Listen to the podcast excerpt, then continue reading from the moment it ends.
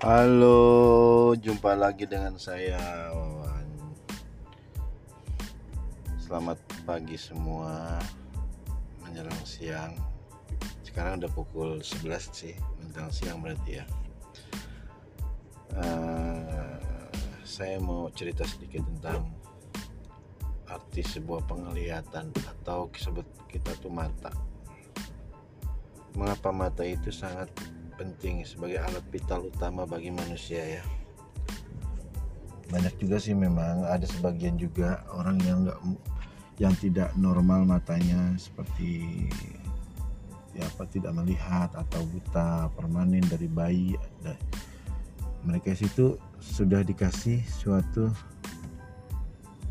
kenikmatan sendiri. Sebut kenikmatan ya mereka yang sudah lahir buta atau tidak melihat mereka sudah mempunyai rasa atau suatu titik yang di mana Tuhan tuh mengasih kebaikan bagi dia. Bagi dia itu. Dia tidak tahu warna tidak tahu siang dan malam tapi dia merasakan. Ini sudah malam ini sudah siang. Gitu dia bisa merasakan di depan seperti apa dengan mata hati sebutnya ya. Mata hatinya dia tuh seperti hidup gitu loh melihat merasa yang, yang kita tidak bisa memahami. Kita bisa memahami tuh maksud tidak bisa memahaminya kita tidak bisa merasakan seperti dia itu. Dia bisa tahu di depannya ada orang ada apa ada benda apa dia tahu. Nah, itu kekuasaan Tuhan. Tapi bagi orang yang dari pertama lahir sampai dewasa menjelang akhir hidupnya melihat. Dan mereka dikasih namanya eh, penyakit. Saya sebut penyakit ya bukan cobaan.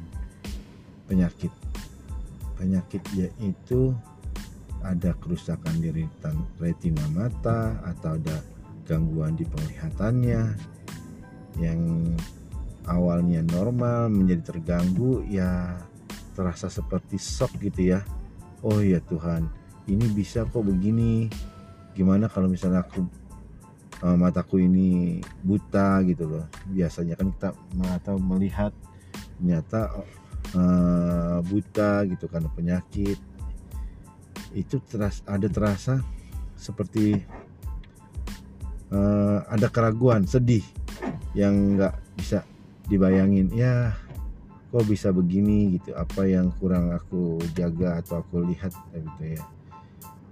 Makanya uh, mata ini kecil tapi memang bisa menjadi jendela bagi kita untuk melihat luas dunia ini.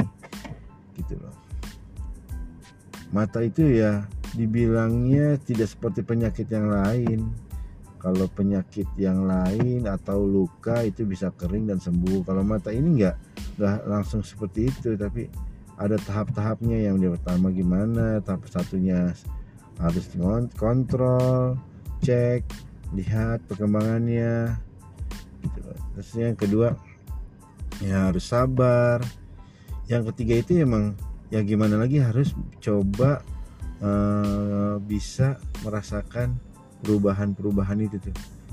Yang kadang-kadang yang kita sok kaget yang biasa melihat jelas ternyata tidak melihat jelas kaget.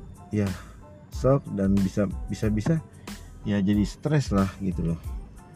Makanya bagi para rekan-rekan yang sekarang masih sehat matanya terutama buat anak-anak kita yang sekarang sudah dari umur 3 tahun atau dua tahun sudah uh, megang handphone atau laptop atau TV atau gadget yang lain tolong buat orang tuanya dijaga kesehatan mata anaknya. Karena mata itu adalah inti inti yang benar-benar harus dijaga banget karena rugi. Rugi serugi-ruginya apabila sudah memakai kacamata atau alat bantu penglihatan lain. Itu yang rugi banget udah. Yang kurasakan seperti itu. Karena ini yang terjadi seperti aku ya.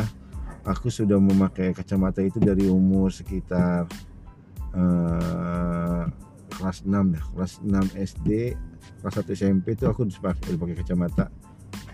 Menjadi terlalu nggak enak lah. Makanya buat ibu-ibu bapak-bapak yang sekarang yang punya anak kecil masih umur di bawah 2 tahun atau sudah meranjak usia 10 tahun tolong handphone. Jangan selalu dipantengin di mata mereka. Selalu jaga kesehatan mata mereka karena rugi. Rugi sekali. Mata adalah jendela dunia bagi mereka semua mereka harus menjaga mata itu. Karena kalau udah seperti ya ada kerabunan atau kerusakan mata itu susah banget ngobatinnya. Yang sekarang aku rasakan ya seperti ini gitu loh. Ternyata di retina aku mengalami gangguan. Nah, gangguan bercak-bercak sini seperti luka. Kalau peribahasanya sih kalau di kendaraan seperti kalau kaca helm ya itu seperti ada kerak-keraknya bekas hujan atau kerak-kerak bekas air gitu yang susah dibersihin. Yang susah dibersihin ya kita harus benar-benar digosok bersih itu. Itu juga HP nggak selalu cepat selesai seharian tapi bisa dua hari tiga hari atau berbulan-bulan. Seperti itu. Maka seperti mata juga. Makanya kalau sudah merasa kurang enak pandangan sudah kurang, kurang bagus lebih baik periksa mata dulu ke dokter. Jangan buru-buru langsung bikin kacamata tapi periksa mata dulu ke dokter. Dicek matanya dulu di dokter apakah bisa sembuh dengan sendirinya tanpa kacamata atau memang harus menggunakan kacamata. Gitu loh. Makanya eh, apabila sudah punya kekeluhan mata itu jangan langsung ke uh, optik atau ini atau kita minta rujukan dulu. Kita harus minta rujukan dulu dari dokter periksa dulu mata kita ada gangguan apa ada kelainan apa. Karena kalau kita langsung ke optik atau ke tempat pembikinan kacamata itu kita menggunakan alat deteksi mata itu seperti apa ya? Jadi mereka itu membaca langsung min kita tapi tidak mengetahui terjadinya apa-apa dalam retina mata kita. Makanya itu buat rekan-rekan yang masih sehat tolong jaga kondisi matanya jaga fisiknya gitu loh. Karena mata ini penting banget. Itu aja sih hari ini aku bikin podcast. Mungkin uh, tidak terlalu banyak ya tentang menceritakan apa pun ya. Hanya keluh bukan keluh sih sebenarnya ini ya. Hanya saran aku aja karena aku tidak merasakan seperti ini gitu. Selalu sehat selalu semangat ntar kembali lagi dengan saya ya cerita-cerita apa pun di wawancara. Nggak ada wawan nggak ada wawancara. Terima kasih. Assalamualaikum. Selamat siang